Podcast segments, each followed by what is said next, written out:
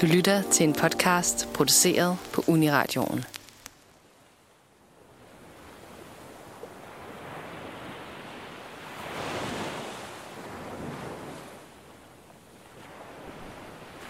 Jeg, Katarina, er taget ud til Københavns Kajakklub på Refshaløen for at tale med Lasse, der går under navnet Kajaklasse. Vi har sat os ved et bord bænkesæt ved vandet, og solen skinner. Jeg er kommet til Lasse med en undren om, hvordan han har fundet ro i bølgerne, og hvad udfordringerne ved en tur rundt om Danmark i vintermånederne i havkajak kan være. Og hvorfor havet egentlig er et godt sted at søge til. Fordi hvordan finder man ro i noget, der kan være så vildt og voldsomt? Hvordan startede du med dit kajakeventyr, eller bare med at ro kajak? Jeg startede stille og roligt øh, til kajakpolo på Bornholm. Øh, jeg blev uddannet sygeplejerske på Bornholm. Øh, og imens jeg uddannede mig, skulle jeg finde noget at, at lave ved siden af. Og det blev så kajakpolo.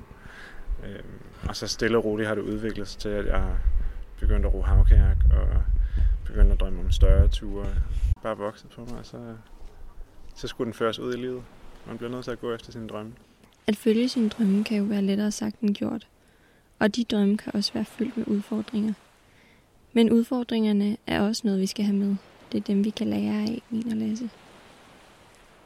På turen tror jeg faktisk, den største udfordring var, var at lave lange kryds. Øh, jeg lavede et langt kryds på nogle 40 km i helt stille vejr. Øh, hvor, der, hvor jeg ikke havde noget musik, der lige virkede. Øh, jeg havde glemt at lade min, mit headset op, og så sidder man bare derude i 8 timer helt af sig selv, og der, der er ikke rigtig, altså, der er ikke så mange fugle, når man er så langt ude på vandet. Øh.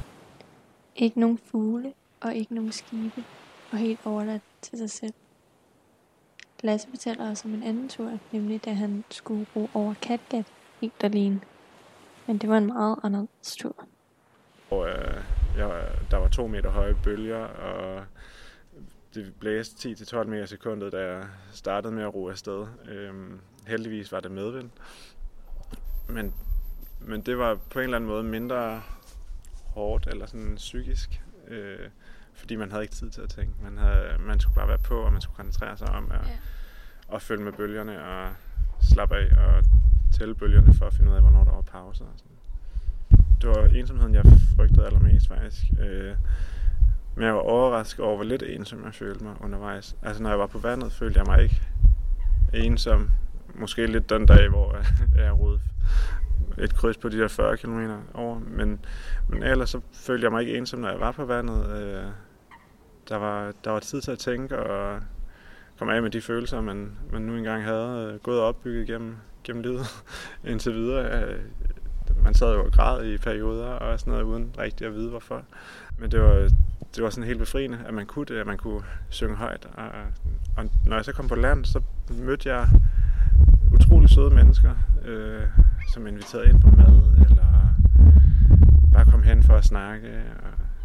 Og overnatninger blev også tilbudt. Det havde jeg egentlig ikke regnet med til at starte med, at jeg skulle være en del, men det blev sådan lidt et ekstra eventyr i, i det, på det eventyr, jeg var på.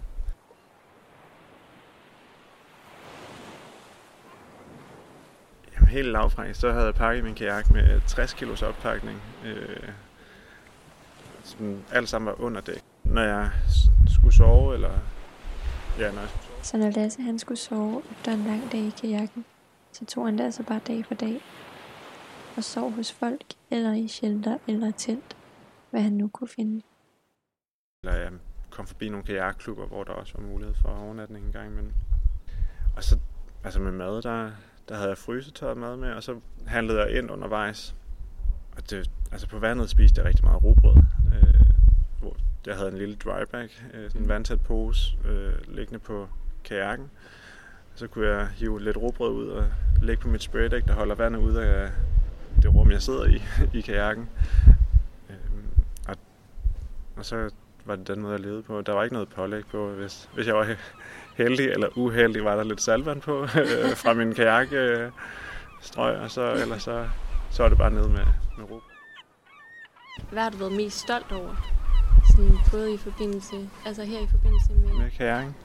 Med Danmarks turen, egentlig mest. Øhm, ja, at jeg gennemført.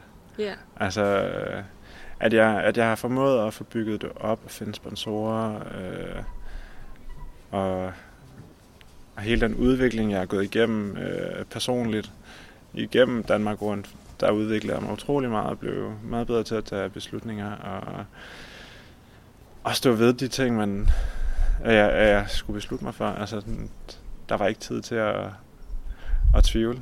Når, når man gjorde det, måtte man bare gå afsted, og så, så var det det, man gjorde. Øh, så jeg tror, at det der med, med en personlig udvikling, og, og at jeg kom igennem om vinteren, det, det er helt klart det største. jeg havde rigtig mange øjeblikke, hvor jeg var helt vildt glad. Altså, øh, jeg kan slet ikke huske alle, alle episoderne, men, men, men der er så mange gange, hvor jeg har siddet og scrollet med på noget af det, jeg har hørt med musik i, i ørerne, eller ja, bare kunne sidde og juble derude, fordi det var, det var så fedt. Altså det, det er jo en helt anden frihed, end, end når man er fanget herinde i København. Ikke? Øhm, og, og der var ikke noget sådan stress og jag. Jeg kunne ikke komme hurtigere frem, end, end kajakken kunne sejle, eller vinden og vejret bestemte, at, at jeg skulle. Så, så blæste det, og for meget til at jeg kunne tage ud, så måtte jeg jo bare blive liggende og finde på et eller andet at lave. Gå rundt og opleve. Øhm, så, så, så ja, ja, yeah. jeg havde rigtig mange gode oplevelser. Jeg, jeg tænker kun tilbage med positive tanker der. At være på havet helt alene kan altså være en smuk oplevelse, såvel som trist og euforisk. Og som Lasse siger, så tænker han kun tilbage på de gode ting. Måske vi især i denne tid, hvor mange hungrer efter social kontakt, hvor vi har været alene længe, og måske også har følt os ensomme, kunne tage ved lære af denne dyrkelse af alenetiden. Måske vi vil kunne lære at tage gavn af den, så ensomheden og alenetiden er noget, vi kunne slappe af i.